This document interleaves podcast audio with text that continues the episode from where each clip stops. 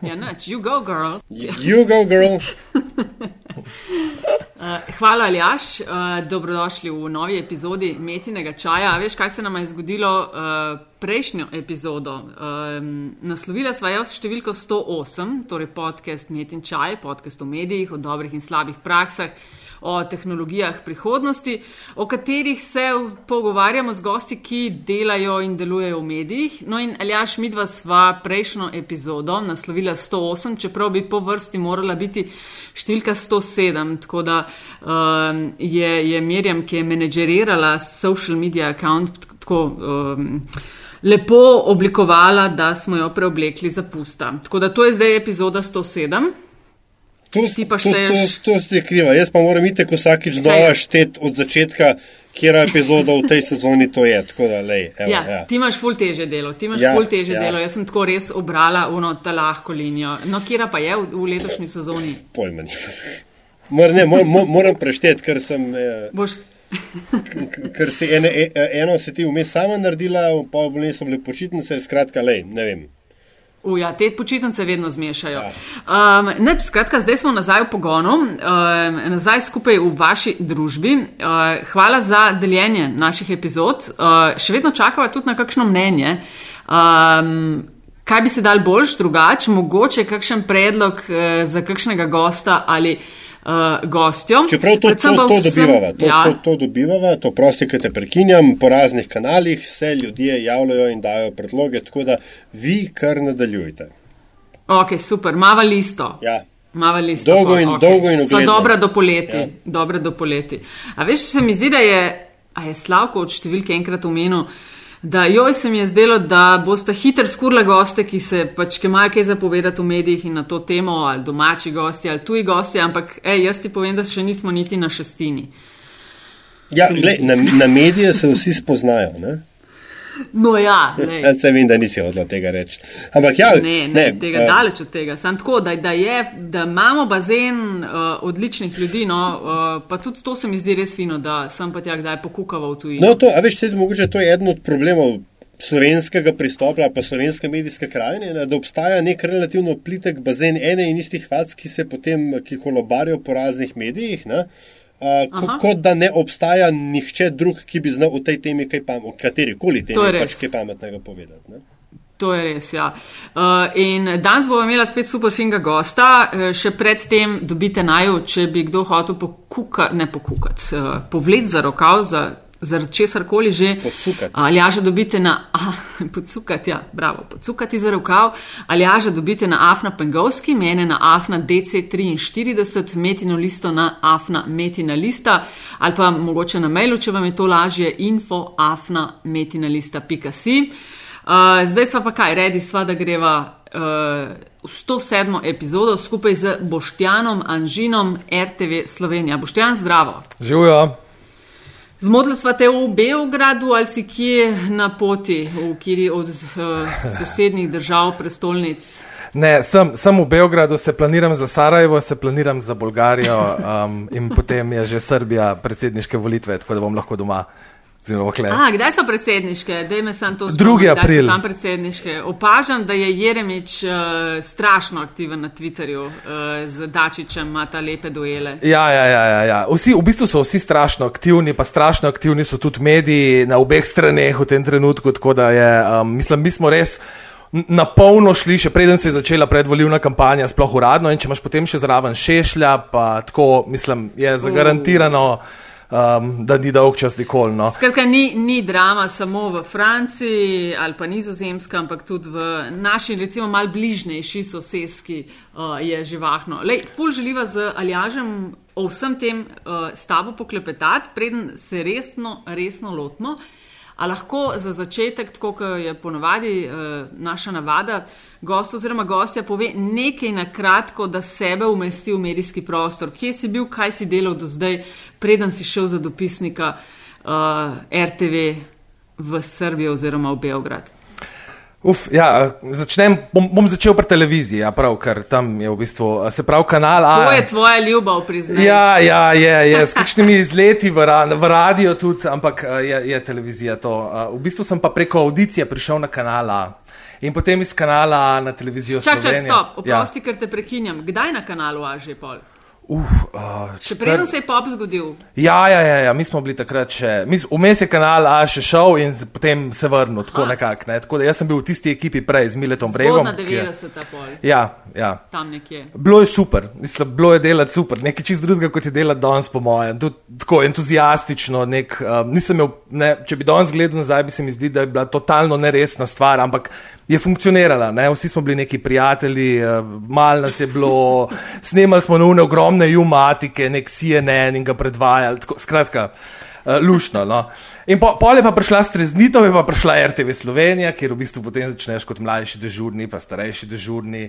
Uh, in pol sem tam v bistvu počel vse, kar se da početi v desku, ne? od turnusnega urednika do voditelja, do urednika čez vikende, dnevnikov. Uh, in potem Berlin v drugem poskusu, in potem po devetih letih in pol s težkim srcem nazaj v Ljubljano. In um, to je bila potem v bistvu uživitev tarče, no, na nek način, v bistvu, ko smo prišli na, na tedensko oddajo spet. In leto pa pol, in evo me, v Beogradu. Spet na poti, spet s culo in Ja. ja. ruzakom v avtu in v iskanju ta pocen letalskih kart in, in nastanitev in tako ne. Točno tako. Ampak je, je pa, je pa e, e, mnogo enostavneje to tukaj. Ne? Recimo Geugelija v največji gužvi na meji z Idomenjem, ne? ko so bili vsi tam. Pa še Ja. vedno hotel za 18 evrov z zajtrkom in internetom, ki je kar špricu. Ne? Skratka, jaz sem dal pošiljati in je bilo že vse v Ljubljani. Skratka, v, ne vem, ko greš. 18 evrov. Tako. 18 evrov. Ja. Ko greš pa v Wow. Frankfurt na en knjižni sejem, ne, uh, pa tri dni iščeš hotel, ki bi bil ne vem, manj kot 150, pa moraš imeti veliko srečo, da ga najdeš. Ne. Skrat, Ah. skratka, z vidika organizacije za dopisnika bolje, če ga pošljejo na konec sveta, to hočeš povedati. E, pf, uh, zdaj smo govorili samo o ceni hotelov, je pa treba še tja prideti, ne, to je pa potem pa velika razlika. Ne. V Berlinu si šel ICE in v bistvu si se usedel za eno uro in si bil v Hamburgu, klele se hočeš pa pripeljati do. Ne vem, um, Črne gore, mislim, porabiš pa cel dan po nekih prelazih. Um, Ja, Res. vem. Smo, je lepo, vse je lepo, ne, samo ni praktično. No, Ker se, ti mudi, glih ne gledaš okoli sebe. Ne? Točno tako. In, in potem Ja. se mi je še zgodilo, da sem v bistvu svalil nazaj, se pravi, drugi mejni prehod in jaz res nisem dojel, da je to meja. In sem pel, dokler niso trije z nekimi mitraljezi pred mano znašali in mi rekli, da sem šel mejo prečkati brez pasporta. Skratka, dogaja se ogromno stvari. In potem odpre pasport in piše noter eh, v srbščini, ne, predstavnik tujih medijev in te tako pogleda s tankimi očmi in potem reče, aha, Slovenija, ok. Ne, tako skratka, je A, luštno. a je, ko omeneš Slovenijo, kakšen status ima to, kar rečeš Slovenija na koncu, na katerem ti trenutno zdaj deluješ? Ker si predstavljam, da je, pa poskušaj primerjati malo z Berlinom, kjer si bil. Mislim, Ko meni si rekel Berlin, so se odpirala vrata, ne? Ja. Ko si bil v Berlinu. V Berlinu sem rekel, vsak Slovenija let, vsako pro- leto tako dvakrat zaprosil za intervju z Merklovo in uh, so mi dvakrat na leto prijazno odgovorili, da sem tam 36 v vrsti. Ne. Tukaj pa ne vem, v, takrat, ko je bila največja kriza v Makedoniji, um, v bistvu zaprosiš za makedonskega predsednika, si misliš, itak ne bo nič in ti naslednji dan sporočijo, pridite v Skopje. ne. Tako, je, je, je velika razlika, pa tudi pri, pri ljudeh v bistvu. No. Recimo, o, jaz sem imel veliko dilemo, ko sem bil v Prištini, eh, kako zdaj komunicirati. Ne? Angliško se mi je zdelo malo butast v bistvu, ker večina, recimo, vsaj starejših, ne zna srbsko. Ampak Ja, da ja, zdaj ja. jaz začnem srbsko. Ampak v bistvu sem potem videl, da, da je to tako. V prvem stavku moraš v srbščini povedati, da si iz televizije Slovenija in pol gre. In potem tudi vsi ja. znajo in tako. In, in podobno je v Bosni, Srbiji. V bistvu jaz nisem imel slabih izkušenj. No, razen na enem protestu um, proti, kot so oni rekli, okupaciji Kosova, kjer sem potem omenil, da je televizija Slovenija in se je zlil v bistvu name vse. Da smo itak mi krivi za celo vojno, da bi mogli biti v Hagu. Skratka, so taki primeri, ampak jih ni veliko. Boštjan, Boštjan, tvoja, um, se temu reče, um, tvoja pozicija, ne, tvoje dopisniško mesto, ta hip je uh, bilo, da rečem, ni, neka kolateralna, niti ne žrtev, no, ampak definitivno je na njega vplivalo te perturbance pred kakšnima dvema, dobrima dvema letoma na nacionalki glede uh, ukinjanja in ohranjanja dopisniških mest. Pa me zdaj zanima, kaj točno ti pokrivaš vse iz Beograda? Um, se v bistvu včasih tudi sam ne vem čisto točno, zdaj kako je recimo z Mačarsko, no, um, za, za radio jo večkrat pokrivam kot za televizijo, tam se začne jug Hrvaške, v bistvu, če gre kdo z avtom, grem to jaz ponavadi, no, če, če, če bi bilo potrebno. Potem je pa, se pravi, Bosna, Srbija, Makedonija, Črnagora, Albanija, Romunija, Bolgarija, Uh, in po Kosovo. potrebi Grčija, ja, Kosovo, po potrebi še potem Grčija, pa tudi v Turčiji sem že bil, no, takrat, ko je bil begunski val. Je pa res, da je bil tisti bolj enodnevni, dvodnevni izlet. Ja. Da ni, da ni zdaj to, da bi jaz pokrival od tukaj tudi Turčijo. No. Ampak ti si v resnici si pokrivaš cel Balkan. Ja, ja v resnici pokrivaš cel Balkan. Ja. V resnici pokrivaš, v resnici greš v bistvu boštjan tja, kjer, je, uh, kjer se kaj velikega zgodi. No? Ko si v Berlin prišel, ne, je naslednji dan, um, če se ne motim, smo se menila, uh, papež umrl ja. in potem smo nemškega dobili, ko si se preselil v Beograd, si letel v Idomeni. Ne? Ja, pa kar je v bistvu še bolj smešno, ne vsakeč se je v bistvu dopisništvo z mojim prihodom razširilo. In takrat, ko sem prišel v Berlin, je bilo rečeno, zdaj pa ponovem je treba pokrivati tudi preostalo Srednjo Evropo, recimo Polsko. In pol drug dan umre papež. Tukaj rečejo razširjeno dopisništvo, se pravi, bomo šli ven iz Srbije in sem bil prve tri mesece v Makedoniji, Grčiji, Turčiji, ampak um, mislim, vse to je, ne, itak te vržejo v vodo, ker si itak, ko, ko prihajaš prvič kot dopisnik, kot drugič je to druga zgodba, ampak ko prihajaš kot prvič kot dopisnik, si itak ne, ne moreš predstavljati, niti ne veš, kje vse oddaje obstajajo na Radio Slovenija. Um, in jaz se spomnim, da sem imel največjo frko s papežem, ko so me klicali z enega programa, da ne ugotovim, ali Nemci jejo regrat. In to se zdaj tako sliši zelo banalno. Ja, ali je jo regrat, pač neka oddaja je bila v tem regradu, najbrž kako je zdrav in tako naprej. In si pač potem vsak predstavlja, da je to v dopisniku ne, itak ugotoviti nekaj najlažjega, ampak sploh ni. Ne. Jaz tam v bloku sem imel vem, enega iz Turingena, ki me je gledal uno, ne, iz Bavarske, ki tudi ni vedel nič, potem je en tam, da neki cvetovi delajo. Skratka, ni, ni, ne, ni, ni easy. Je kot ja. v Srbiji, v Srbiji ga jejo, ne? Ja, no, meni so rekli, da če me bojo videli na travniku, da bojo vsi vedeli, da sem slovenc. Da, ker mi imamo že ugledan tukaj en tak travnik blizu. Ha, je tak, da veš, ja, da ja, ja, ja. Zdaj, so, zdaj je čas, ne? Zdaj čas ja? je že, ste že ja, ja, prve ja. sklede so že šle, ne? Ne, ne, ne, še nismo. Zdaj gledamo in delamo plan, kako bomo šli nabirati. Za vikend, kul. Uh, kje predlagaš? Um, Ali až da se tega lotimo, ker to držav si naštel, a ja, mogoče še predtem, a se ti zdi dobro, le včasih je bilo več dopisništev, e, kot jih je danes. A se ti zdi uh, smiselno, primerno, da bi bilo ali da bi jih več imeli tam, oziroma da je tudi čisto v redu, glede na obseg dela, da vse imaš te uh, okoliške države, no? tudi uh, pod kontrolo, recimo. Pa, mislim, v bistvu se mi zdi meni, men, tako kot zdaj delam, ampak rabiš pol leta vsaj, ne, da prideš nekako. Približno, ker v Nemčiji je bilo dosti bolj urejeno, ne? tam si vedel, kaj je pomemben dogodek in kaj je treba pokrivati. Tukaj pa nikoli ne veš, kaj bo zaradi ene male stvari, ki se zgodi danes, jutri. Ne? Tako da Aha. v bistvu zdaj se prav velik Balkana ne, um, v enem dnevniku ali pa v enih poročilih ali pa karkoli se itak ne prenese. Tako da je po mojem najboljša varianta, da ima nekdo pač tukaj nek upogled, ko ocenaš, da je, da je pa res treba iti na teren. Jaz bi šel čim večkrat, ampak imamo pač druge omejitve, finančne in podobne. Um, pač greš, ne. Zdaj, vem, na zadnje sem bil tako, recimo, dlje časa v Romuniji um, in je bilo wow. No. Res tako, da. da, da okay, Demonstracij, kot, kot sem jih tam videl, recimo, jih nisem še nikoli videl. Ne? 300 tisoč ljudi s koreografijo, brez govorov, um, nekdo je potem na koncu po treh dneh spuščal z laserjem neka navodila na stavbo in so odštevali, in potem je 300 tisoč ljudi iz totalnega vreščanja utihnili tako, za 10 sekund in potem so začeli pet romunsko himno. Skratka, res že dolgo mi niso šle, kot si ne po koncu, ne v Romuniji so mi definitivno šle. Mm. Uh, kje smo se lotili, kje državo bi najprej ali až, ali smo nekako skupaj vse? Ja, jaz sem v bistvu hotel nekaj, nekaj drugega vprašati. Ne? Um, ker jaz nimam neposredno te rekel, dopisniške izkušnje, ne? imam pa izkušnjo selitve iz države v državo, tako večkrat bolj dolgoročno.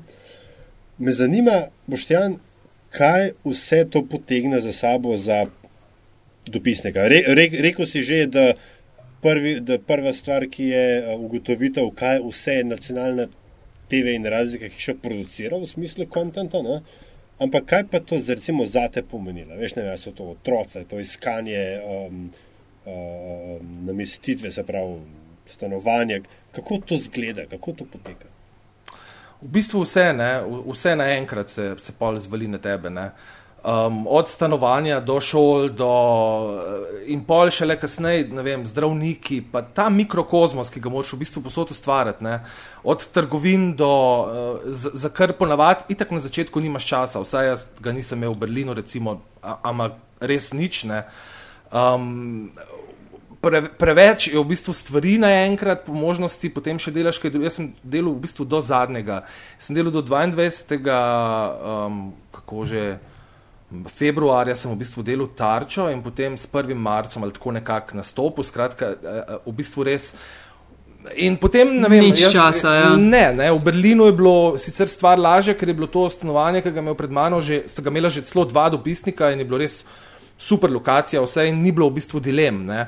Zdaj, eh, tukaj sem pa jaz prišel s familijo za eh, Marto Razboršo, ki je bila sama in je seveda to čist nekaj drugega. Jaz rabim sobo za otroka in moram najti šolo um, v Srbiji, ne, po možnosti nekaj tazga, da ne bom otroka vrgel v sedmem razredu v Cirilico, v kakšno fiziko hudo, ker bo se mu zmešal. Uh, in, in, in, in Pol, pol je pa tisti prvi dva meseca, sta v bistvu najhujša. No, Kler, zdaj jaz si nisem predstavljal, jaz sem pač bil prej v Evropski uniji in zdaj sem prišel v Srbijo. In tukaj je birokracija, da se človek zmeša. Ne. Jaz sem na uradu za tujce, vsako leto moram v bistvu priti tja in podaljšati te stvari. In to res traja in zahteva tebe take stvari, da se ti prav meša. Recimo vsakeč sprot moraš dati uradni prevod rojstnega lista svojih otrok z pripetim originalom iz Slovenije. Kar pomeni, da moram jaz vsak let dobiti rojst. Skratka, da ne razlagam. Um, tukaj je res to grozno. Jaz sem prišel, sem rekel, da moja roba je na poti, da kaj jaz rabim zrihtati in so oni meni rekli, da preden moja roba lahko pride sem, mora trajati en mesec, da sem jaz v državi. Torej bi bil jaz en mesec brez računalnikov, brez vsega. In v bistvu sem sam klicu domov, ne, ker, ker je bila pajanja še v Sloveniji, ker smo imeli spakiran kombi in je samo zvlekla ven tam neke koutre in pol smo jedli prvih 14 dni iz plastičnih krožnikov. Jaz sem bil pa vsak dan na ministrstvu za notranje zadeve, to so mi potem zrihtali, da je šlo malo hitrejše. Ampak um, se pravim, se je itak vse, ne, celo dopisniško delo v tem smislu. Sej, mene pač ljudje vidijo, ker sem v Romuniji, Ampak jaz si moram karte zrihtati, ne, si moram sogovornike že prej poiskati po možnosti, kakšne take, da ne vem, še posebej, če si zaželiš šefico urada za boj proti korupciji, pač ne moreš priti tja in pričakovati, da bo imela kar čas zate. In je, in je kup takih stvari, ki jih v bistvu delaš zraven, no, ki se ne vidijo, ampak brez teh ni konca. Ne, in potem pač je problem pa to, ker nikoli ne veš, kdaj bo kaj. Ne. Ti, jaz si ne morem planirati vikendov prav zelo dolgoročno. Ne. Um, tudi dopust, v bistvu, vedno si na dopustu, uno, za začetek zjutraj pogledaš, da ni slučajno kaj. Ne. Zadnja stvar, ki jo hočeš, ne, je, da te vem, nova vojna na Balkanu ujame na smočanju v Italiji. Ne. Recimo, ja, ja. ja, ja, ja mislim, ampak je, je res tako. Ne, jaz, ne vem, spomnim se, ko sem enkrat prišel iz, iz Prage, kjer sem pokrival, kako sta se srečala Obama in Pahor sem prišel in predtem sem imel ogromno enih stvari. No. Skratka, sem planiral potem dopust. Sem prišel domov in se zjutraj zbudil in pogledal na, na, na, na internet in je bilo, da je padel dol avion s kačinskim in komplet polskim um, političnim vodstvom in kaj. Ne. V bistvu samo zamenjaš obleke, daš v drug kufr in greš. Ne. In to je to. A imaš kakšen kufr že tako predpripravljen, za primer, da je treba hitrjati? Ne, ampak recimo zdaj v Romuniji. V Romuniji smo na koncu oba dva snimalcem iskala in kupovala nogavice in gate, ker smo imela pač planirane tri dni. Ne? Ne pa, da bo to trajalo. 11, ne, ali koliko 11 so ostale ja, na koncu? Ja, mislim, takšnega. da 10, ja, nekaj takega je bilo. Ja, ja. Ker potem smo se še na koncu odločili še za eno oddajo in pa sem še malo podaljšal. Skratka, in tisti je tudi trajal. Jaz sem pričakoval, da pač, ko je enkrat 300 tisoč ljudi na ulici, da en tak odlog, kot je bil ta, ne, ki je bil zelo tako očiten, um, kra, v bistvu zakoniš krajo, ne, kaj, kaj drugega lahko rečem. Pač pričakuješ, da po enih dveh dneh vlada pride in ugotovi in reče, ne, ne, to je bila res napaka. Ne. Ampak ne, tukaj je trajal in trajal. Um, a ti nimaš nekoga, se deloma si že odgovoril, ti sam delaš, ok, v Romunijo si šel s nemalcem, ne? a, a, a si najel lokalca ali, ali je prišel iz Ljubljane? Uh, ne, ne, ne, jaz sem tukaj, se pravi, po eni strani z mano dela velikrat Janja, žena, um, se pravi, in snema in montira, in kdaj mi kaj, recimo, pokliče kakšnega sogovornika vnaprej ali pa kakšen mail. Ja, ali ja. pa takega, skratka, v tem smislu, ampak zdaj, če se ti odločiš, ne, jutri grem jaz v Romunijo, um, za kdo ve koliko časa. Uh, ne moramo iti v bak, ker je mi dva mora pol v tem primeru, ne vem, babico, eno, uvoziti Ja, ja. iz Ljubljana, skratka, un, cela, um, cela procedura. Ne, tako da potem imam pa tukaj tudi snemalce, ki v bistvu že vse čas delal z RTV Slovenija, bil prej tudi v Sloveniji, zdaj je v pokojenc in še zelo živahen, tako da on je bil recimo z mano tudi tiste prve dni v domeniju. Ma, imam v tem smislu v redu. Je, pa tudi A je primam pa za kamero tudi sam. Ne. A je skrivnost, Boštjan, koliko uh, je treba plačati snemalce na dan? Po mojem ne, ampak jaz res zdaj ne vem, ka, kakšna je ta tarifa. Vem, da je ful, ful nižja kot v Berlinu. Ne. Recimo za Berlin točno vem, zaradi tega, ker to se je vedno, so bila cela pogajanja. Um, je bilo, ne vem, so bile ekipe 500, v kakšnih 600. večjih dogodkih, ja, tam 500-600, potem si A. pa rabu še montažo, ne. to počnem Ja, ja, ja. jaz ali pa Janja, recimo, kadar sva sama zdaj snemalcem na terenu, jaz tudi vse te stvari zmontiram in pošljem in zraven živce zgubim, ko ne dela internet, skratka, um, ne, ne vem, koliko je pa tukaj, no, ampak mislim, da je bistveno, bistveno manj. No. Um, jaz bi vseeno mogoče aljaš en tak drive-thru. Ja, ja, uh, kar, kar, te- kar. ta- ta glavne, te ta glavne ta žarišča, veš, ker res imaš uh, orang dogajanje v tvoji bližini. Eno je, ne vem, Srbija, volitve, relacija s Kosovom, ki se spet zaostruje. Ne? Uh, pol so te, te protesti v Romuniji, v Makedoniji, uh, berem uh, ravno spet neki uh, vladni krizi in podobno. A nam lahko pomagaš razumeti, kaj se v kiri od teh držav, kakšen je status zdaj, kaj lahko pričakujemo? Ali se lahko še kaj, ne vem, zaostri ali. ali Kje, kje, kje boš naslednjič? To reči. Kje boš, ja?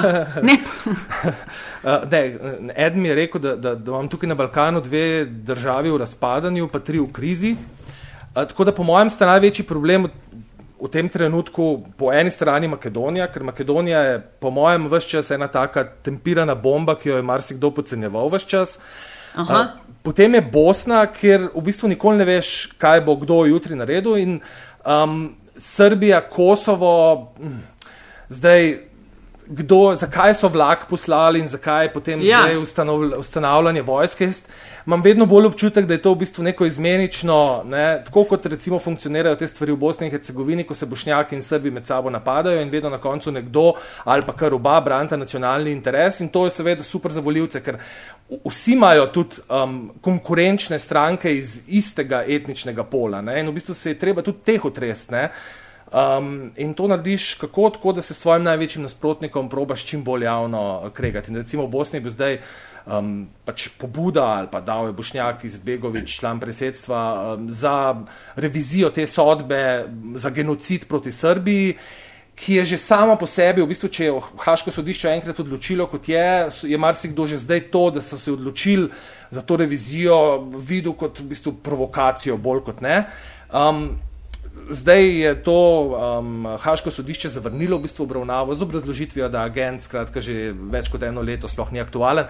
Skratka, zakomplicirane stvari, ampak zdaj v bistvu vse čas samo čakamo tam, kakšen bo zdaj protiudarec Srbije in v bistvu je isto v, v Bosni, isto je v Srbiji. Uh, problem je, ne vem, če gremo začeti mogoče z Makedonija. Ja, in v bistvu, potem, ko potegneš ne, črto, ko se staviš te pikice, v bistvu vidiš, da, je- da je posod zelo bolj kot nepodobno. Pol avtori, avtoritarni, recimo, sistemi, vsi imajo Aha. zelo radi vodje. Ne, se pravi, recimo, zdaj imamo mi tukaj predsedniške volitve, Vučiča.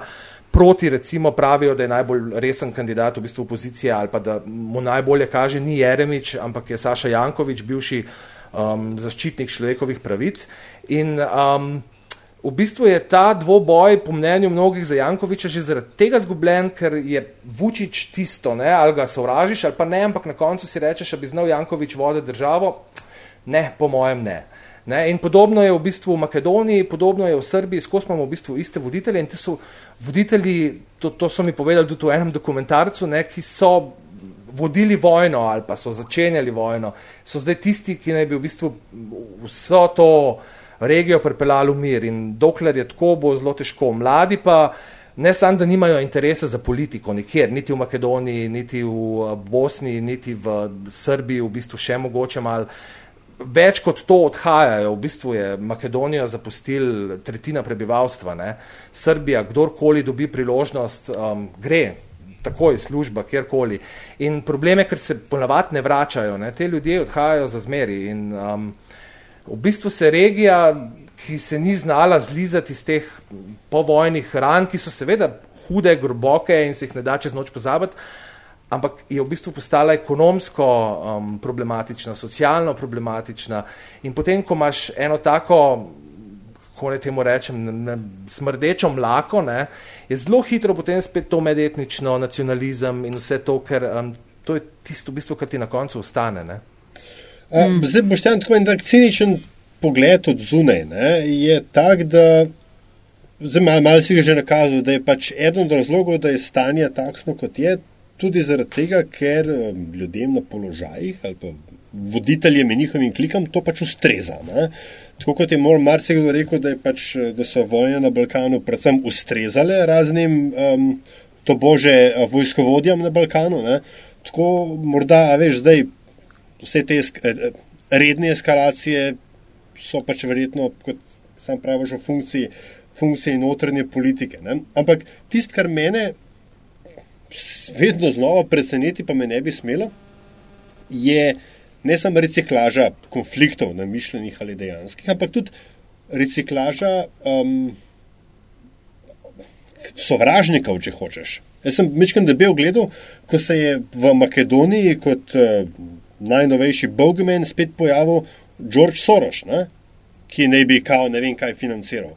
In Orbanu na mačarskem ga ravno tako vam vleče. Skratka, uh, A se samo meni zdi, ampak a, a, a je tukaj vse skupaj zaciklan celoten medijski prostor, političen prostor, vsi ti družbeni mehurčki, da so pač zacikleni v eno in isto zgodbo že zadnjih 30 let.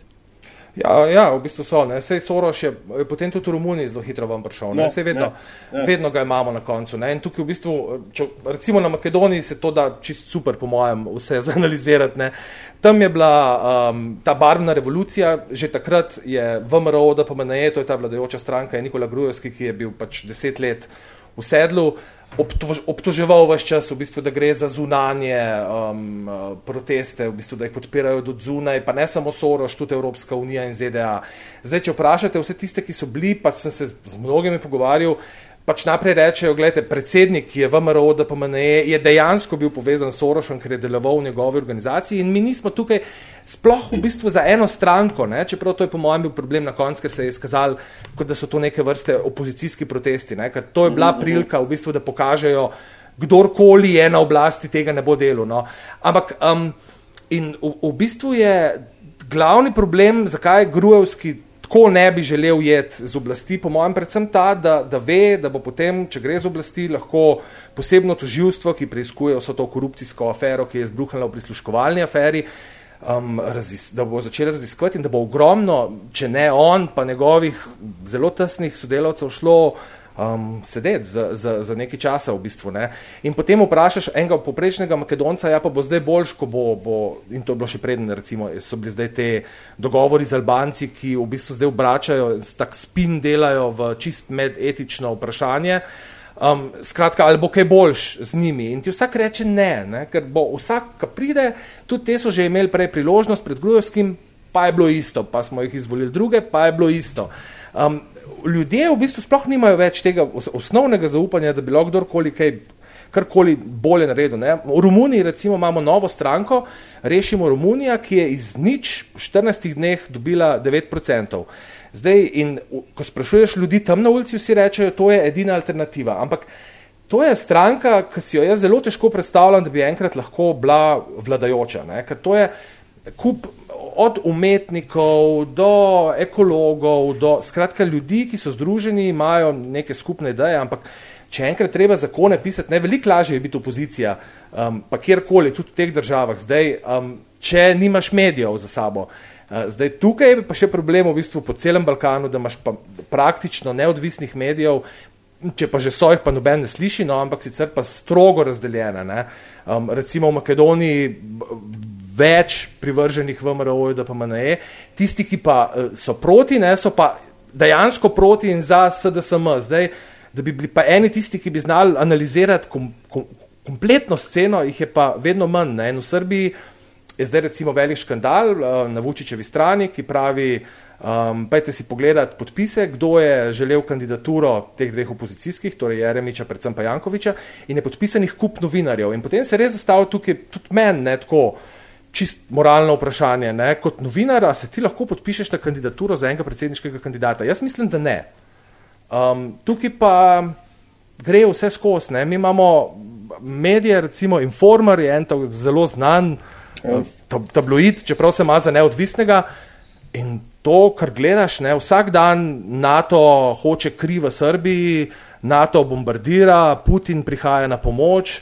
Um, sem, A, le, ko ja. ravno omenjaš to, mal Ameriko pa, pa Rusijo. Jaz sem pred časom bila na eni konferenci, kjer so bile med udeleženkami prav gospe političarke iz vseh teh držav, ki jih ti pokrivaš. Ne?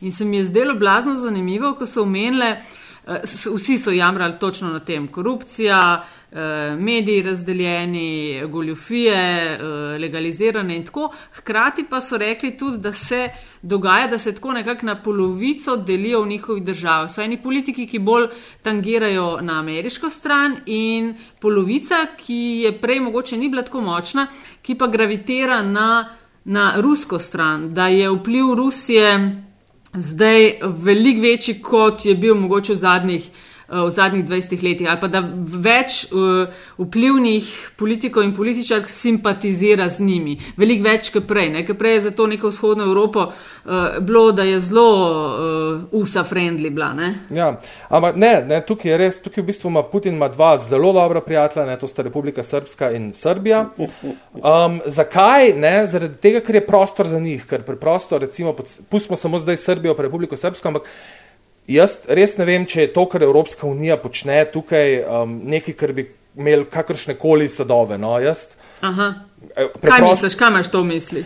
Ne vem, um, pride sem um, Frederika Mogherini, govori v parlamentu 20 minut, ob tem se Šešelj in 20 poslancev dere um, Rusija, Srbija, ne treba nam Unija. Ko jo pa poskušajo povabiti, da bi se usedla nekje, ker, in se seveda nihče ni slišal, kaj je ona govorila, mislim, ni šanse. Ne? Ko ja. si pa rekla, da bi se ti pogovorila z mladimi, ne? se usedla z njimi in pogovarjala, pa ni bilo časa. Zakaj? Jaz mislim, zaradi tega, ker bi dobila en kup neprijetnih vprašanj. Ne? Ker, ka, ka, mm. Kakšen pa je cilj Unije na Balkanu? A se Unija ukvarja z Balkanom? Ne, ne, čaka v bistvu, da nekje poč in potem da neka sporočila za javnost ven, um, naredi eno tur de Balkan in zdaj bomo imeli, ne vem, na vrhu se pogovarjali o tem, ampak spremenili se pa tukaj ne bo nič. Ne? Uh, samo poslabšal se bo v bistvu in zdaj ne vem, imamo relacije Zagreb, Beograd, Beograd, Kosovo, Beograd, uh, Sarajevo, zdaj je Srbija zaustrila v bistvu še z Makedonijo in Črnogoro in to zaradi Kosova, ne, ker češ vi uh -huh. zdaj mhm. podpirate na poti v UNESCO, zdaj bomo pa mi, Makedonija, ne bomo več vam rekli Makedonija, ampak bomo rekli bivša republika Jugoslovanska Makedonija. Ja, ja, ja. Skratka, na to raven gremo ne, in čim smo na tej ravni, um, je v bistvu potem prostora ne, za tiste, ki na nek način so pa proti v tešte Evropske unije, ki je recimo po mnenju tistih, ki so zelo proruski, recimo, ali pa zelo prosrbski, tudi itak polno ja, ja. beguncev in vse to. Um, je Rusija v bistvu, um, ne, se zdi. Se kaže kot ena rešiteljica. Super alternativa. Ja. Ja, ja, ja. Vprašaš od človeka, a bi, a bi šel, pa če bi šel delati, a bi šel delati v Berlin, ja, bi šel delati v Moskvo in v Moskvo, nekje pa ne. Ampak ja, mi smo bratje, um, se pravi pravoslavni, bratje slovani, um, potem Kosovo jih nas druži, ne, čeprav tukaj je tudi vprašanje, kdaj in um, morda zelo na hiter se bo Rusija enkrat obrnila, če bo treba pri mhm, vprašanju uh -huh, Kosova, uh -huh. ko bomo govorili o Krimu ali pa kaj, ona ima bistveno pomembnejše ja. terene, kot je pa Segli, Balkan. To, to, to se hoče reči, da je v bistvu ta uh, rusko-srpska ljubezen ne, zelo enostranska ne, v resnici. Ja, ja, ja, jaz mislim, da je, no, čeprav vse um, na nek način, ne, zdaj so vem, podarili deset migov. Ja, wow, super. No, ne, in takšne stvari. Ne, verjeten, ja. ja, ampak recimo, ne, brata. ker ja. smo že pri Rusiji. Ne? Kaj je bilo v Črni gori? Ja, to, to je pa, se tudi jaz še vedno sprašujem, v bistvu malo ker zdaj smo mi pa že kar prve obsodbe imeli, ne, ljudi, ki so priznali, da so sodelovali v, oni sicer niso vedeli točno kaj, ne, oni niso vedeli, da ne bi ubil uh, Djukanoviča, To je tako bizarna zgodba, se je v bistvu dogajala, ker jaz sem bil takrat tudi v Podgorici. In... No, povej, kje je zgodba, je to, kar mogoče vsi ne vejo. Zakaj, Skratka, na volivni dan, um, do povdne, izbruhne novica, da neznanci, Srbi, pa tudi kakšen Rus zraven, kot se je kasneje ugotovil, poskušajo v bistvu državni udar izvesti, da bojo po razglasitvi volitev udrli v parlament in da je možnost tudi, da ubijajo Džokanoviča. Skratka, Ne? Zgodba, se sliši kot film. Zdaj, wow, ja. Če vprašamo vse te, ki ne bi bili posredno upleteni, torej to so proruske pa prosrpske stranke, ki jih je družilo samo to, da je treba Džukanoviča sesud, pa jim tudi tokrat ni uspel, sicer Džukanoviča zdaj nimamo več, ne imamo njegovega naslednika, ampak vseeno. Um, pravijo, da je bil to v bistvu predvoljivni šov, ne? da je Džukanovič itak vedel, da bo zgubil te volitve in da je v bistvu mu ta volivni dan in to da nekdo pa zdaj od zunaj poskuša rušiti um, Črnogoro, ne, da to mu je dal tistih, on je zmagal za las. Ne. Tako da um, mogoče je res kaj na tem. Po drugi strani pa zdaj toživstvo dela uh, in to je celo sodelovalo s Srbijo, kjer je Vučić zelo resno govoril potem o tem, da ima tudi on te podatke in da se je res nekaj dogajalo. V bistvu zdaj čakamo, da bomo končno zvedeli v tej preiskavi, kaj, kaj čisto točno se je dogajalo, kdo ne bi stal za vsem tem. Je pa Črna Gora, ne, ko smo se prej pogovarjali o Rusiji, to je to. Um, gre v NATO in to je um, Moskvi, Moskva zelo, zelo direktno, ne, preko sporočil za javnost, pa preko stranke Putinove, zelo jasno sporočala. Ne, ne, vem, ne naredi tega, ker bomo to in to in to. Skratka, zelo direktno vmešavanje v bistvu v notranje zadeve. Um, potem pa še v bistvu ta moment, da je treba po 25 letih zamenjati končno tistega, ki vodi državo. In v bistvu so bile te stranke tik pred tem, no, da bi zmagale. Zdaj je vprašanje, če bi zmagale, kaj bi se zgodilo. Jaz mislim, da bi se ta neka koalicija razsula, ne, ker med njimi so bile take, ki so bile za EU, take, ki so bile mal za NATO. Um, družili jih je res samo to, ne, bodimo proti Džukanoviču, tako kot bo zdaj družil vse proti Vučiću, ampak nekjer pa niso zmožni v bistvu opozicije tako poenotiti in to je še en problem v bistvu celega tega Balkana, da bi lahko resno nastopila proti um, recimo tem mal diktatorskim voditeljem, ki imajo nek način vpliv v medijih, ki imajo vpliv tudi druge, ki poskrbijo v bistvu tudi za poslitvami v javni upravi, da imajo neko bazo voljivcev, kjer je treba recimo še vedno uh, fotkati svoj glas na volišču. Um, take stvari. No. Jaz, vem, meni je bilo v Makedoniji kar mal tako groza, v bistvu, ker smo snemali. Nek čist simpel intervju je bil o tem projektu Skopje 2014, ki je pa v bistvu ne, milijardo evrov so tja noter vrgli v fasade in v, na stotine kipcev tam stoji. In sem se pogovarjal z eno aktivistko, ki je pač mi resno razlagala, da je bila zaradi tega odpuščena, da ji sledijo in tako naprej. In potem sredi intervjuja ne začnejo ljudje snemati ne, z mobiteli, pa, pa, pa ne neke znamenitosti, ne nas. In ona reče, ja, ja, to je to, ne, tako, kaj, kaj to je, ja, tako nas pa nadzorujejo, ne, snemi ga nazaj. In se mi dva z javnjo obrnemo in snemamo tega človeka nazaj, še lepo se malo razmišljati začneš. Ampak to je res tako malo grozno bilo. Se zdaj ne vem, ali lahko tudi, da ni bilo, ampak Jaz sem pa že imel mal pol tak občutek. Pa recimo v Makedoniji se ti večkrat zgodi, da posnameš eno ulico, pa ti potem pridejo trije ljudje, da moraš da denar, ki si jih posnel, če tudi so na javnem prostoru, um, da bojo klicali policijo. In če ti oni rečejo, da bojo oni policijo klicali, ne, to pol tako ni najboljši znak. Ne. Um, tako, in, kaj, no, mal... in, in, in kaj pa narediš? Si plačal? Ja, ne, ne, nisem. Jaz sem takrat pač rekel, da bom zbrisal posnetek, nisem zbrisal, ampak zraven sem imel pa Janjo, ker je pa to čist razkur, ne? ker kako lahko nekdo meni na javnem prostoru. Ne? Ker v Berlinu ja. je bilo ja. res tako, ne? ti si prišel tja in rekel, ne, jaz sem na javnem prostoru in si imel občutek, da za tabo stoji. Ne, svoboda medijev je Evropska res, unija in tako, vse. Ja, tako, klele, ne, pa zdaj tam, ne vem, ko snemaš begunce in ti nekdo reče, ne, neki, ne vem, boljš, da, da nisi preveč glasen, po mojem. No. Ni, uh, rule of law, mislim, da ne laufa najbolj, še kar na Balkanu. Ne, ne, ne, pa je ne Evropska unija zmetala, veš, ko, veš kakšni denari so že šli. Ne? Ja, to so milijoni, Evropsk... to so milijarde. Ne vem, ne vem, če se to Evropska unija tako prav loteva, ali, ali, ali se pa tako želi lotevati. No, jaz mislim, da je to vse tako neki zelo površinsko, v bistvu z nekimi izjavami, z nekimi No, lej, lej, to zakoni. se mi ne. zdi ful zanimiva istočnica, ki praviš, da se ti zdi, da, da Evropska unija mogoče se ne na pravi način, ker jaz sem uh, velikrat imela občutek, uh, da pošiljajo na ta prostor ljudi, ki tega prostora niti po točko razno ne razumejo. Ker ba Bal Balkan je in mi, Slovenci, vse imamo nekaj izkušenj s tem. Ne? No, ja, no. Uh, ja, lej, imamo. Ne? Je, je mal poseben, mal drugačen. No? Uh, Ak si v interakciji z drugimi dopisniki, pa imam klele v mislih predvsem dopisnike iz recimo Zahodne Evrope ali pa uh, še kje od dleje, mogoče kakšne američane. Ne? A imaš ta občutek, da vejo, kje so, da razumejo, da so kle mogoče mal drugačna pravila igre ali, ali ne? A imaš občutek, da ti veš mal več? Mislim, jaz Da imaš boljši obč- občutek. Jaz absolutno mislim, da vem več. Ne? Ampak da bi pa si rekel, pa da razumem to. Ne, um, Ne, se tega se ne da razumeti. Se ne da. Ne, ja. Je- um, ne, ne vem, no jaz. Jaz mislim, da je tako Balkan, ne, če vprašaš enega poprečnega američana, še vedno to tako neki, u, ne, tam se streljajo. U, tam Ja, to je drugi Libanon, grozen, ja, ne. ja, tako, ja. ne. Um, ampak potem pa srečaš v bistvu in dopisnike, in tako turiste, ne, ki so čist paf, ne. kam so zdaj oni prišli, da tukaj pa je ja, super lepo, vse mirno, vsi se razumejo, ker v bistvu Balkan je pa tudi to, ne, ti, ki si turist. Ti nič ne vidiš tega, Ja, ne vidiš, trenja. ja, ja, ja. Razen, da ko prideš v bistvu recimo v Bosno, da ti nič ni jasno, ko prideš iz srpske strani, tam ni bosanske Ja, zastave, ja. ne, tam je Republika Točno Srpska. Tako. Drugač pa vse ostalo v bistvu klapa, ne, tako se ti Ja, ampak zdi. če ne veš tega vsega v zadju, ker vidiš, da so hiše, vasice, so čist strogo ločene ne, Ja, eh, ja. in podobno. No, sem so- po, ja.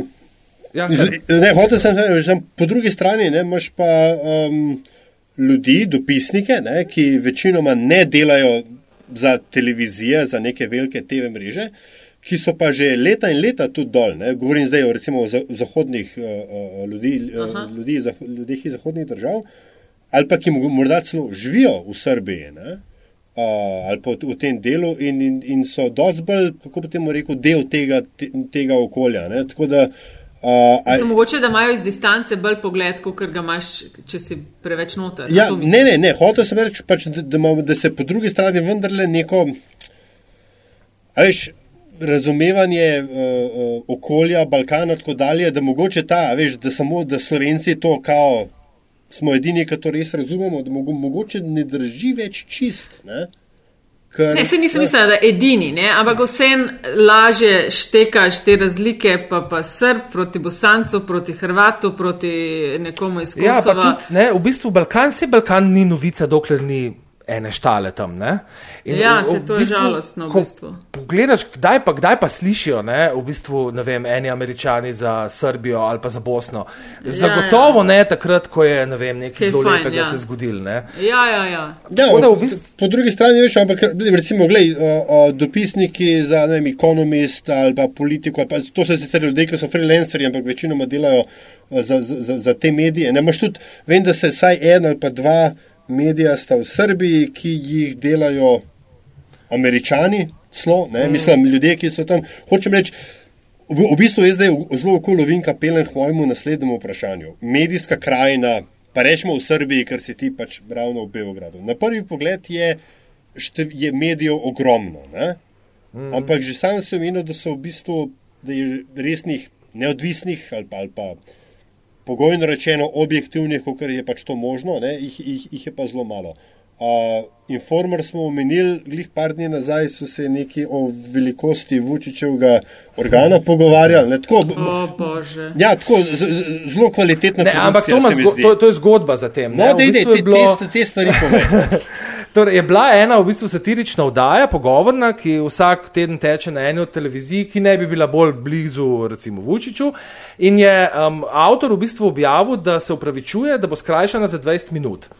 In potem smo se sprašvali, zakaj, in v bistvu je bilo zaradi tega, ker se tam začnejo pogovarjati o tem, in nekdo pač pripomne nekaj o velikosti Vučičevega, uh, in da se je pač potem televizija um, odločila, da, pa, da to je pa preveč sporno, da bi, da bi objavili. No, skratka, um, je bila neka zgodba od zadnji, čeprav tudi pri tej problemu v bistvu pri Srbiji je, da nikjer ne prideš do konca.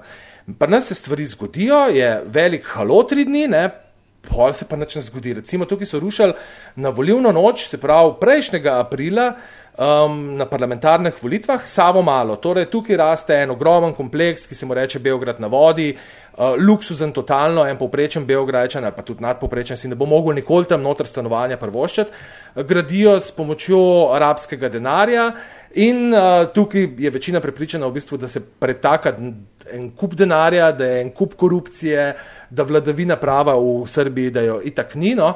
In uh, so porušili dve ali pa tri barake, malo boljš kot baraka je bilo, ampak so jih porušili po noč, ljudje zamaskirani v maskah, prišli so z buldožerji, pobrali ljudem mobitele in mi še danes, deset mesecev kasneje, ob čemer je Vučić stopil pred kamere in rekel, da ne mu je itak vse jasno, ampak da naj toživstvo upravi svoje, da bojo že povedali in potem se ta krivda valila iz enega malna drugega, pa župan, za katerega so zdaj odkrili, da ima v lasti posredno ali pa neposredno 29 nepremičnin, uh, pa ne samo, skratka, in, in, in, in potem se te zgodbe vlečejo in nikoli ne prideš do konca. In zdaj, dokler ni Evropska unija v zadnjem poročilu, in to so tukaj res zelo pritiskali te, s temi protesti, usta, uh, um, ne davimo Beograd in podobne stvari, dokler ni Evropska unija nekaj omenila tega v poročilu, se v bistvu tukaj nišče ne. Vučić dobi po mojem po Twitterju in mali, to je župan Beograda, na dan 8000 tvitev z isto vsebino, ali bomo danes izvedeli, kdo je kriv, ne? ker mu vsi ljudje to pošiljajo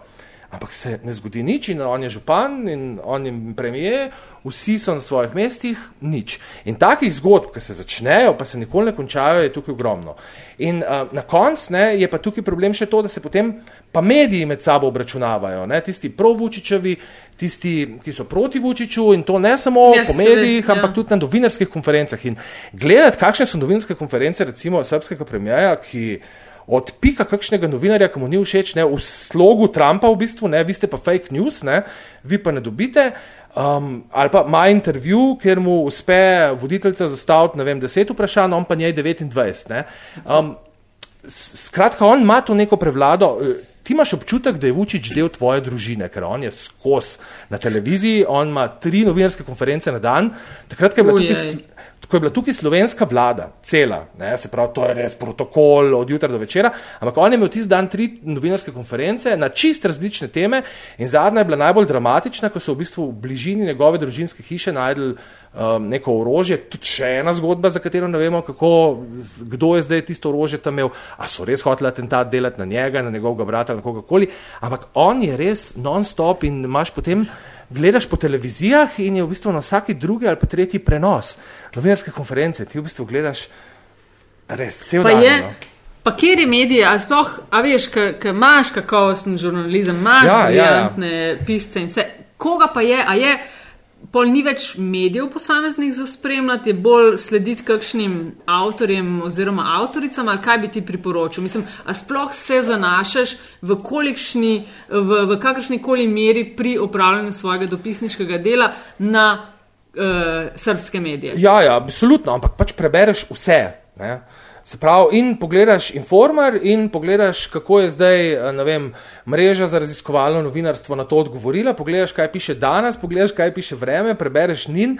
Skratka, um, deliš v bistvu, ulomek in to. In točno to. In potem imam pač ja. par, recimo, novinarjev tukaj, ki so. Eni so dopisniki, eni so zelo tako bolj, recimo, ne glih direktno v novinarskih vodah, ampak so bili vse čas zraven z novinarji, taki opazovalci dogajanja, recimo temu, in pa se v bistvu probaš še z njimi malo pogovoriti. In pa leta, ko gotoviš, da je vse dvojno, da, da, da, da, da je Srbija preprosto razdeljena, eni razmišljajo tako, eni drugače, ti moraš pa probati v bistvu dejstva povzemati. No? Ampak uh, v Srbiji je, ne vem, mislim.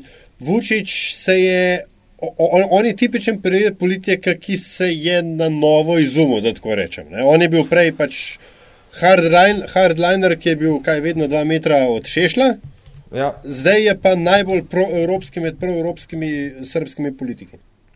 Ja, in on je v bistvu s tem, ne, s tem svojim preobratom, kat, on se je tudi upravičil za vse te zadeve. Jaz, mislim, jaz v bistvu mislim, da je Vučić zelo spreten politik. Ne. On, on mislim, da zna zelo dobro nastopati um, s temi svojimi mal ufucenimi um, lajbiči in, in hod med ljudmi, odpre ceste, odpre semaforje. Rešuje um, ljudi v snežnih zametih. Tudi, tak, ja. Ja, v bistvu sam fotka se še ne, pa ne daje tega na Instagram, pa bi lahko. Um, ampak um, on v bistvu ima odgovor na vse. Ne? In če ga nima, pa v bistvu napade tistega, ki ga sprašuje, on, on v bistvu zna. No? Pa, hkrati ima v bistvu neko srečo, ker veliko medijev tukaj je na nek način posredno ali neposredno financiranih prek države in v bistvu ima ogromno. Novinarjev, kjer v bistvu sploh ne rabi nobene cenzure, ampak je že itak v osnovi samo cenzura. Že vejo, kje jim je mesto. Ja, na ta način. Nekako. Ne.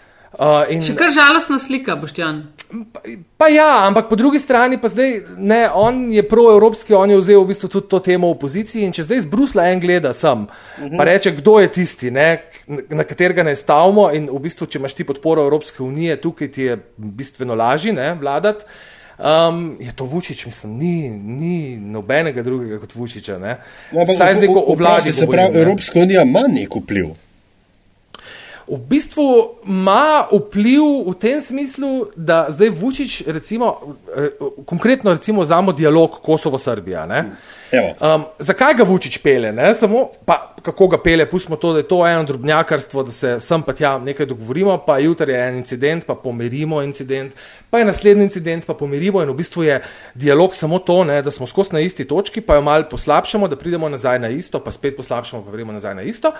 Ampak on samo to mora delati in enako je na albanski strani, ne, Sej, da ne bo dileme, e, isto je tam, uh, ima podporo Evropske unije, kar pomeni, da se, če ne drugega, redno slikajo v Bruslu um, z vsemi največjimi predstavniki, imajo v bistvu odprta vrata, uh, ker se, kdo drug se pa recimo iz Srbije srečuje s komarkoli, ne, s tako pomembnim, kjer bi to odmevalo. Skratka, mi imamo Vučiča in doma in v tujini, ker je posod, ne. Um, jaz mislim, da je, da, je, da je podpora Evropske unije zelo pomembna. Recimo, če Zajev zdaj ne bi imel nam, v Makedoniji podpore Evropske unije, bi po mojem bi bila zelo težka varijanta, da bi kadarkoli lahko sploh sanjal o tem, da pride na oblast. Pustimo zdaj, da je to zdaj dogovor z Albanci, ki je itak vrgel vse skupaj spet v zrak ne, in nikoli ne vemo, kaj se bo tam zgodil. Um, tam zna biti recimo še zelo vročeno. Ja. A pa je, da se vrnem nazaj na medije, a je ta medijska krajina, oziroma rekel, te elementi medijske krajine, se pravi razdeljenost, prisesanost na eno ali drugo opcijo, a je to nekako podobno, pa v vseh državah, ki jih pokrivaš, ali je Srbija, rekel, vendarle mečkan bolj štrli v tem smislu ven? Pa, pa ne, jaz mislim, da je v bistvu zelo podobno. No. V Makedoniji je v bistvu isto. Um, Bosna in Hercegovina je itak drugače razdeljen. V bistvu, mm. ti, ta, tam nisi bosanc, tam si lahko samo srb, hrvat ali pa bošnjak. Um, ja, ja. In to tako čist resno, ne? ko prideš ti k zdravniku, v bistvu, če rečeš ne, jaz pa nisem nič od tega, te ne bojo vzeli, ne? se moraš definirati kot po neki narodnosti. Ne? Um, potem Črna Gora je mogoče v tem smislu. Um, Vem, je pa res, da sem tudi manj izkušenj s Črnogoro, ampak da, da so tam močnejše v bistvu ta, nevl, ta nevladne organizacije, ki se ukvarjajo, se pravi, pod A, um, korupcija, pod B, vladavina prava, ampak potem, če pogledaš pod črto, ne, kje pa so tam, ne, je pa tudi m, vprašanje zdaj. Ne. Tam je Džukanovič še en, v bistvu na nek način mali diktatorček, ne, kot mu pravijo, da sprotniki, mm. ki Evropske unije všečne poteze je v bistvu vse čas vlekel in imel za to podporo Evropske unije. Um, je pa res tudi v Črni Gori, da obstaja ta konsens, da je treba v Evropsko unijo. Ker, zakaj? Zato, ker brez Evropske unije se itak ne bo spremenil nič. In to je v bistvu tudi tukaj, ne, tisto mal, kar se spreminja, se spreminja samo zaradi pritiska Evropske unije. In potem imaš primer Bosne, ki, na kateri pravijo totalno nefunkcionalna država, ampak tam so ljudje ogorčeni, kako je lahko Evropska unija odprla pogajanja z, z, z Bosno in Hercegovino oziroma sploh poslala vprašalnik. Ker to razumejo, ne, lej, vsi te kradajo cel čas, isti ljudje so isti čas, vse čas se kregajo med sabo, ko so sami se super razumejo, zdaj jih je pa Evropa še nagradila s tem in dala nek način vedeti, ne, gledajte, to so ljudje, zaradi katerih ste zdaj prišli na rob Evropske unije. Pustimo, da bo ta Evropska unija približno tako daleč kot za kakšno Turčijo, ampak ne, korak je pa narejen, s katerim se lahko vsak dan malo pohvališ. Se pravi, v vseh teh državah, eh, o katerih eh, smo malce jih dotaknili pa razpravljali, relativen mir, ampak eh, tudi skratka kufr pri vratih in lahko vsak čas vse posod od teh naštetih držav, ki je kaj poči v kakšni obliki. Ja, Makedonija bo po mojem, um, Makedo Makedonija bo po mojem prva, kamor bom šel tako ne, ne, ne nepričakovano ali pa ne, neplanirano turo, zaradi tega, ker um, tam smo zdaj prišli tako daleč, da v bistvu predsednik noče dati mandatarstva vodji opozicije, zaradi tega, ker mu pač očita, da bo vem, državo sfederiral, jo prodal. Ne. Skratka, človek ima večino, ampak ne dobi mandatarstva in kaj jim zdaj ostane? Zdaj jim ostane samo to. Se pravi, druga zgodba je zdaj ta albanska platforma, da je bila narejena v Tirani, da je to v bistvu posredovanje druge države, vmešavanje. Ampak tem zdaj ljudem preostane samo to, da grejo sami, brez mandatarstva v parlament, uh, izvolijo, najprej morajo še predsednika parlamenta izvoliti, ker potem šele predsednik parlamenta lahko te stvari naprej ureja, ker nimajo nič. Uh, um, se izvolijo za vlado in če se oni zdaj izvolijo za vlado, bo na ulicah, po moje, um, spet na deset tisoče ljudi, tokrat pa druge barve. Ne? Prej je bila barvna revolucija proti Grujevskemu, zdaj bo pa v bistvu kup ljudi proti Zajevu, proti Albancem. In potem tam, ne, um, kle na Balkanu je vsaj, vem, 20 točk, kjer lahko vsak, to mi je tudi en zelo plastično povedal, vsaka budala vrže bombo in imamo vojno za naslednjih par let.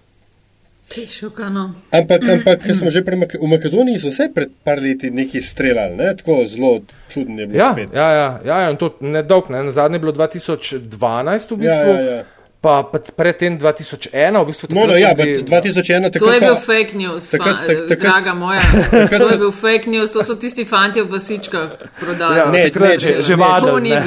ne 2001 vem, da je bila taka frka, da so američani še mnogo podstavili, da naj se pač ne hecajo. Ne? Ja, in potem je bil tudi sprejet ta ohridski sporazum, tako, v bistvu tako. na, na, na osnovi katerega zdaj v bistvu ta država kar funkcionira. Ne. Recimo je dal um, v občinah, kjer je najmanj 20 odstotkov Albancev, je lahko uradni jezik tudi albanščina. Ampak recimo, kaj hoče zdaj zajev, to je ena od stvari, recimo, ki je tako povedal, ne, da če je obtoženec na nekem procesu in um, oškodovanec, če sta Albanca, zakaj mu ne bi dali albanskega sodnika? Ne? Zakaj bi rabili imeti dva prevajalca zraven? Recimo, to so take praktične rešitve. Ampak zdaj, Kako daleč bo pa to šlo, ne? ali bo šlo res tako daleč kot prav Grujski, torej da dobimo dvojezičen denar, novo himno, nov grb, um, skratka, vse na novo in da je albanščina potem uradni jezik tudi v mestih, kjer ni niti enega albanca. Um, to pa jaz mislim, da bi pa širši revolt v bistvu doživelo, ne? se pravi ne več samo uh, glede na strankarsko pripadnost, ampak tudi um, širše med Makedonci. Ok, Boštjan, lej pripravljen bod. Ja, bom. zdaj pa sej vem, da Nataša mi že besno maha, da, da moram nehati. Ne, ni pa nič. Ene, ene države se pa seveda nismo dotaknili in za katero jaz smatram, da je. Bolgarija. Ne, Bolgarija v redu, ampak. Mačarska. Za Mačarsko imam jaz ja, občutek, da je ona črna, je črna luknja na, na slovenski percepciji tega dela sveta. Je. Yeah. Ja, pa tudi, pa tudi pri nas je tako malo črna luknja v tem smislu, da jaz ne, um, na mačarskem še nisem bil, zato ker v bistvu mi to pokrivamo, če jaz prav razumem Slovenije, ne, ob raznih uh, volitvah in podobno, ker je pač na nek način bliže do Budimpešte kot men. Jaz največ, kar sem bil, je bilo na meji z uh, Srbijo, torej ob ograji sem se sprehajal in tam, kjer pač zdaj gradijo ta. Um, oni rečejo taborišča, zdaj, kjer bojo v bistvu vse prebežnike pripeljali tja in bojo tam mogli čakati na nadaljni postopek. Se strinjam, se strinjam, da je, čeprav je pa po drugi strani, ne, um, recimo tudi v mojih poročilih um, Orban zelo velik nastopo, ker v bistvu ima tukaj vedno boljše zaveznike, recimo Bolgarija je ena taka tipična država, ki je v bistvu čist sledila ne, tej um, in retoriki na en način, in po drugi strani ravnanjem, ki jih imajo, ki jih pač gledamo na mačarskem, kjer se zdaj gradi druga ograja. Um, Potem, recimo, zanimiv je bil ta odnos Srbije. Ne? Srbija, po mojem, na začetku podobno kot Slovenija, ne, joj, graje, pa mi ne bomo nikoli gradili, ne. Orban je, to je pa nekaj najbolj groznega, ne. Zdaj ima Orban tukaj um, zelo široko podporo, um, zdaj ljudje tukaj niso več, ki prihajajo um, begunci, ampak so migranti. Skratka, marsikaj se je spremenilo v bistvu v tem času, tudi na, na vse zadnje po zaslugi Orbana in Mačarske. Mm. Zanimivost. Ja, Vidimo, se Mačarska, po mojem, bo, to se bo treba enkrat še posebej lotiti. Ja, uh, ja. problem je v bistvu nekaj, se ti lotevaš teh stvari za dnevne dogodke, za volitve, za tak. Ti rabaš, ti se moraš, ti si moraš vzeti. Recimo, saj... Malo živeti tudi tam, nekaj te skoki, ki jih delamo, to veš, te vikend skoki, so vseeno mogoče malo premalo ja. za razumeti državo. Ja, pa tudi, ne vem, ne, pol kam greš po analitike, ja, Budimpešto, ne, ampak Ja, Budimpešta je tako, ne, tako, ja. tako kot Bukarešta, pa ostala Romunija, ne, pač nekaj čist Ja. drugega. Ja. Ja, ja. No, Boštjan, pa, še- pa smo prišli do zanimivosti, čeprav je bil cel pogovor meni strašno zanimiv, ampak eh, Met in čaj podcast končujemo z vprašanjem, ki je vedno enako, um, da z nami gost oziroma gostja deli kakšno zanimivost iz, iz svojega posla, karijere, razmišljanj, lahko kakšno knjigo, priporočila, ki za kar oceni, recimo, da mogoče veliko ljudi ne ve, pa bi jih znalo zanimati, eh, lahko kaj iz ozadja tvojega uh, dela, kakšna anekdota, ne vem, karkoli. Le, le, bom, sem že prej razmišljal, pa sem pol vmes po to klepetal, vse pozabil, ampak na, na, bom se na tega papeža vrnil, ne, na moj drugi dan um, v Okej. Berlinu. Ker je bilo res tako ful zanimivo. Jaz sem prišel v stanovanje, ki je bilo čist prazno, to, se pravi, tudi luči ni bilo, ne, bile so žičke ven. Uh, in jaz nisem imel nič, ne, potem je bilo treba iti kupovati, ampak drugi dan umre papež, jaz še vedno nimam nič. In imam eno tako mašino in takrat sem naredil v prvem mesecu, se pravi, ko sem jaz prišel v Berlin, sem naredil 142 prispevkov. To pomeni, da si v bistvu visel, ne, brez da bi šel karkoli jesti, karkoli cele dneve in noči, ker se je bilo skozi treba javljati v nočni program. In potem je bila, mi smo imeli tako ogromno mašino, ki se je rekel IQ kodek, no skratka, kjer si v bistvu so te poklicali iz Ljubljana iz radia in ti si se slišal, kot da bi bil v studiu. In si rabo en tako ogromen mikrofon, ogromne slušalke in jaz sem to delal sred dnevne sobe na parketu, na tleh, dve svečice me pržgane, ne, da sem kaj videl. In zraven imamo pa pol, je bil en mali balkon in potem ena cela stavba ljudi, v bistvu se pravi njihova okna, ki jih pa nisem ne, niti prej dobro registriral. In potem jaz v enem trenutku, ne, ob ene dveh zjutraj, ko sem poročal ravno, kaj se dogaja tam za nočni program, skratka, pogledam tja in tako iz tistega okna gleda tako šest ljudi, na, na štirih oknih šest ljudi. In me ful čudno gledam, potem naslednji dan pridem ven na, na balkon in se pozdravimo, ker se pač še prej nismo videli.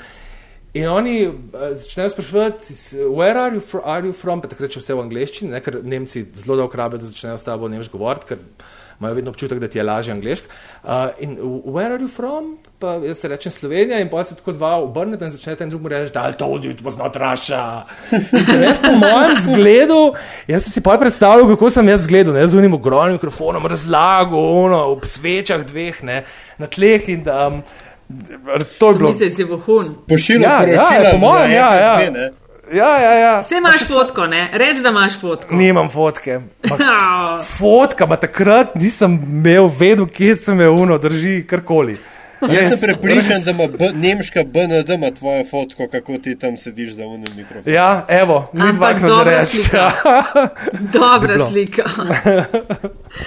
Ej, hvala ti lepa, Boštjan, za, ja. Za to zanimivost in za cel pogovor. Uh, se veš, mi dva z Aljažem bi lahko še in še in še klepetala o tem, a mogoče pa v Sloveniji, mogoče se pa v Sloveniji kdaj dobimo, pa ne bomo sam Skype uh, mitinge delali. Mogoče Evo, pa zmenjeno. se nam A uspe. pa v, na Be v Beogradu, ej. Ja, evo, le, v Beograd, Beograd. Kaj si že lep. rekel, da imaš kufr za kje je karta za naslednja, je Sarajevo, si rekel, ne? Ja, zdaj je prva je Sarajeva, evo, mini vrh uh, balkanskih držav. Bo šest A. premijajev tam, tako da bo zihar živahno. Lepo. Ej, lepo sem, ej, ne, uh, da boš delal zelo velik, pa, pa že vem, ne, oddaj ja. Ja. imate velik. Tako je. Sam regrat, evo, regrat lahko naredim letos. Boštjan, hvala. hvala in srečno. Ok, fajn bo ta dio.